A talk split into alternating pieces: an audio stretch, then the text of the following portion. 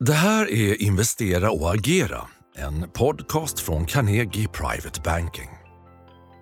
Vi skriver torsdag 15 februari. Amerikanska aktiemarknader drar vidare uppåt och sätter nya kursrekord samtidigt som Stockholmsbörsen rör sig mera i sidledes. Fokus idag just på USAs aktiemarknader. Amerikanska techbolagen som driver och hur investerare söker och identifierar nästa globala kursraketer. Vi gästas av Johan Grip, förvaltare på Carnegie Private Banking, förvaltarfonden Carnegie Global Stockpicking. Själv heter jag Henrik von Sydow välkommen till podcasten Investera och agera. Och välkommen Johan Grip. Tack så mycket. Du är ju sprungen från Handelshögskolan. Du har en bakgrund som industri och verkstadsanalytiker. Du har varit förvaltare på Investor, Brummer och AP-fonden. Därmed är du kort introducerad. Hör du, eh, trots att vi hade en amerikansk inflationsbesvikelse eh, i veckan så ligger ju S&P 500 kring eh, nya rekordnivåer. Det stora dragloket i den amerikanska börsuppgången är ju de stora techbolagen och närmare bestämt Magnificent Seven, Apple, Amazon, Alphabet, Microsoft, Meta, Nvidia och Tesla. Även om just Tesla sladdat efter lite grann i år då.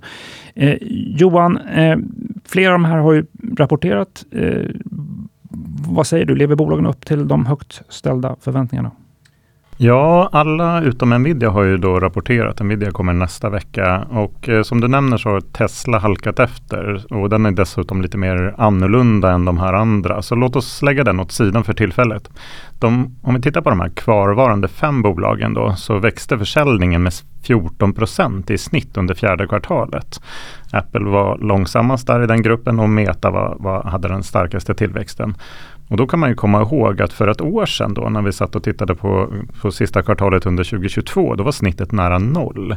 Så sedan dess har tillväxttakten förbättrats då för kvartal för kvartal och nu är vi uppe på ganska bra nivåer. Särskilt om vi jämför med resten av börsen då när tillväxten fortfarande är ganska mager. Och alla de här fem bolagen förbättrade också marginalen så vinsttillväxten var väldigt stark i de här mm. bolagen. Mm. Du, jag vet att det här är en vanlig eh, kundfråga som du får, de här amerikanska techbolagen när vi pratar om dem. Eh, vad säger du om resultaten, det de presterar sett till eh, den rätt höga värderingen?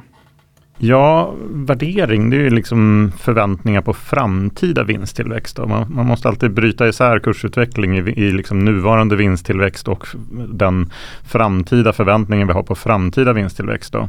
Så att när vi ser en hög värdering då har vi ju höga förväntningar om framtida vinsttillväxt. Och, och då tycker jag att det, då är det ändå lite högre risk att man inte infriar de här högt ställda förväntningarna. Så jag tycker att det är lite läskigare när, det, när vi ser sådana här relativt höga eh, höga värderingar. Mm. Men förändringen den måste ändå komma med någon form av besvikelse. Det, det räcker inte att man slår i någon form av värderingsnivå. Det finns inget direkt värderingstak.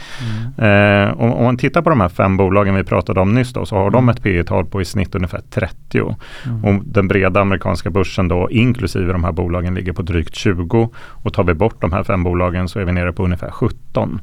Eh, så då är det inte lika ansträngt längre. Men de här fem bolagen de, de, behöver leverera på ungefär det sätt som de gör just nu för att motivera den här värderingen. Leva upp just till högt ställda förväntningar då. Ja. Hör du, mycket av de, den här sektorn är förstås då drivet av ehm, eh, AI-vågen. Vilka av de här bolagen skulle du säga rider AI-vågen mest framgångsrikt? Vilka leder AI-vågen? Å andra sidan finns det bolag här som faktiskt då hotas av, av AI-vågen. Man kan se nedsidor givet teknikutveckling kopplat till AI. Ja, vi ser ju det här eh, spela ut på lite olika sätt i de här bolagen då. Nvidia är den allra tydligaste vinnaren så här långt. Om jag nämnde att de, de här fem bolagen då växer ungefär 14 procent i snitt så förväntar man sig att Nvidia ska växa med 235 procent när de rapporterar nästa vecka. Så det är ju naturligtvis en tydlig vinnare på AI-vågen. Eh, sen är ju Microsoft väldigt tydliga med hur AI påverkar affären då. De bryter ut hur mycket det adderar till tillväxten i till exempel i deras datacenterverksamhet. Då. Sen tror jag också att Meta verkar vara en vinnare på det men de bryter inte ut siffror på det på samma sätt. Men de hade ju en väldigt stark tillväxt i kvartalet och pratar väldigt mycket om AI. Mm. Finns det några bolag här som utmanas? Ja, de som skulle kunna vara förlorare. Vi har ju vi har sett några bolag som har haft det lite tufft på börsen det senaste året. Och det kan till exempel röra sig om sådana här bolag som sysslar med kundtjänst. Där ser vi att kundtjänst kan liksom kanske automatiseras med någon form av eh, AI-baserade chattverktyg och så vidare. Så några av de bolagen, det finns både europeiska och amerikanska, de har haft det lite tufft det senaste året. Och sen en del andra outsourcingområden, sådana här affärsprocesser och så vidare skulle man också kunna tänka sig. Mm. Men även mer kreativa varianter, contentskapande säger man ju att det kan utmanas det. också. För de här AI-verktygen är ju faktiskt ganska kreativa i många fall. Just det.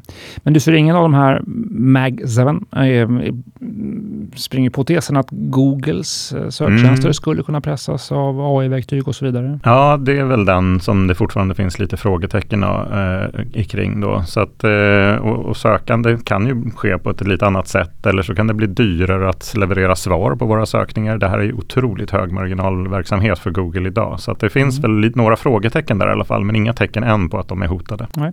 Du, en stark start eh, förstås på året och ett starkt 2023 för, för den här sektorn och speciellt om Meg7. Vad, vad tittar du på som viktigaste faktor för fortsättningen för de teknikdrivna delarna av den amerikanska aktiemarknaden? Vad, vad väger tyngst? Ja, jag försöker ju titta väldigt mycket på vad som driver långsiktig vinsttillväxt. Eh, så att jag försöker att inte titta så väldigt mycket på kortsiktiga makroindikatorer. Även om vissa av de här bolagen naturligtvis drivs av konsumentaktivitet. Både Meta, Amazon och Google är bra exempel på det. Så att lite koppling finns det till mer kortsiktiga makroindikatorer också. Men jag försöker titta på långsiktiga trender och vi gillar ju till exempel datacenterexponering. Det är därför vi har positioner i både Microsoft och Google i portföljen då med den här växande datamängden som alla de här trenderna innebär.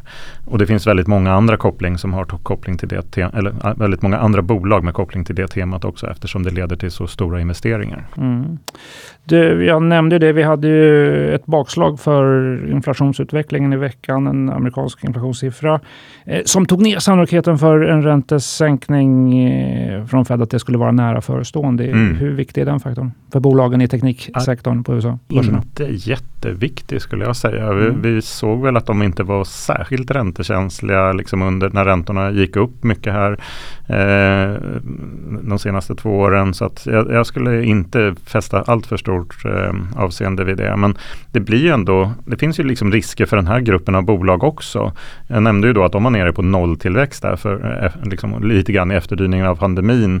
Nu är de ju uppe på ganska bra tillväxttakt och då brukar man tala om att det blir tuffare jämförelsetal. Det blir ofta lite svårare att fortsätta växa när man, när man jämför sig mot ett kvartal som då var ganska starkt. Eh, mm. Så det kommer bli tuffare under året här och sen effektiviseringarna som de här gjorde då när, när de märkte att det bromsade in efter pandemin så var de ju väldigt duktiga på att dra ner personalstyrkan till exempel och dra ner på en del investeringar. Det är de i princip klara med. Mm. Eh, eh Meta då som kanske gjorde den allra största förändringen. De drog ner personal med 22 procent under förra året. De började faktiskt öka eh, antalet anställda igen under fjärde kvartalet. En effektiviseringsvåg inom bolagen? Ja, det är ju den som har hjälpt mycket av den här vinsttillväxten som vi talade om tidigare. men, den har, men just just kostnadspotentialen, liksom, eller potentialen för vinsttillväxt från kostnadsnedskärningar, den börjar nog minska i alla fall. Mm. Eh, så det är väl några risk, eller liksom eventuella risker som jag ser för den här typen av bolag. Mm. Du, om privata investerare skulle söka och försöka identifiera nästa teknikdrivna amerikanska vinnare, kursraketerna bortom uh, Magnificent Seven, vart skulle du leta? Vilka, vilka sektorer och vilka kriterier och kännetecken skulle du söka efter? Ja, för det första skulle jag eh, återigen betona liksom att man ska titta på det här långsiktigt och då titta mycket på långsiktig vinsttillväxt. Men också där förväntningarna inte har sprungit iväg för mycket då. Jag tror att vi kommer få se fler, vin, eh, fler AI-vinnare under året, att det kommer sprida sig användandet av AI och så vidare till fler bolag och fler eh, typ av kundsegment och så vidare. Sen tycker jag i den fonden jag förvaltar, och Global Stock Picking, så har vi ganska mycket bolag som har koppling till energiomställningen och den teknik som möjliggör det stora skiftet. Så det tycker jag är ett annat väldigt intressant område som inte alls har belönats på börsen den senare tiden. Så där tycker jag inte värderingarna är alls lika. Eh, det, det, finns inte alls samma höga förväntningar på det området. Mm. båda de här trenderna leder egentligen till stor efterfrågan på många typer av halvledare och många komponenter. Så det är ett område som vi har ganska stor exponering eh, mot mm. i fonden. Mm. Sen finns det andra trender som cybersäkerhet och så vidare. Där har vi ett innehav i fonden. Eh, och eh, eh ja, många andra liknande eh, intressanta trender. Och, men vi, vi brukar också liksom försöka poängtera att man behöver inte eh, köpa det som folk pratar om allra mest utan man kan titta på, för att få lite bredare exponering, lite stabilare bolag, då kan man leta i hela värdekedjan. Så om AI är ett jätteintressant tema så titta på datacenterdelen till exempel. Den mm. kommer ju verkligen behövas för allting som har med AI och datamängd att göra. Och sen kan man gå flera steg längre bak också och titta på de som bygger datacenter eller de som levererar komponenter i datacenter. Så att eh, det, är, det, är, svårt att eh, ibland plocka ett enskilt bolag om man inte är specialist. Utan ibland är det lättare att hitta den här typen av bredare exponering. Den här podcasten heter ju Investera och agera. Investerare som söker exponering mot amerikanska teknikvinnare och nästa teknikvinnare. Hur, hur kan de agera? Ja, för det första ska man ju verkligen se till att titta utanför Sverige. Då. I Sverige har vi en ganska liten andel på börsen som är den här typen av bolag och ganska få bolag med direktexponering mot till exempel AI. Så att eh, första rådet är ju liksom titta verkligen noga på utländska aktier och, och, inte bara amerikanska aktier utan det finns ju flera bra europeiska och asiatiska bolag också. Eh, om man är kund hos Carnegie då tycker jag man ska prata med sin rådgivare. Vi, vi har ett antal eh, fonder som vi, kan, som vi tycker är bra, ger bra exponering mot det här temat och sen den eh, fonden som jag kör då, Global Stock Picking, den har ju då en kombination kan man säga av både mycket teknikdrivna bolag och också bolag som har med energiomställningstemat att göra. Just det. Eh, tack för det. Och agerar man på det sättet får investerare också tillgång då till dig som eh, förvaltare förstås. Tack så mycket Johan för att du gästade podden. Tack själv för samtalet. Och med det så tackar vi för visat intresse. Nästa podcasten släpper vi som vanligt nästa torsdag. Välkommen att lyssna då också. Ha en fortsatt fin februari. Tack för idag. Är du intresserad av topprankad aktieanalys och unika investeringsmöjligheter? Gå då in på carnegie.se private banking och lär dig mer om vad du får som private banking-kund hos oss.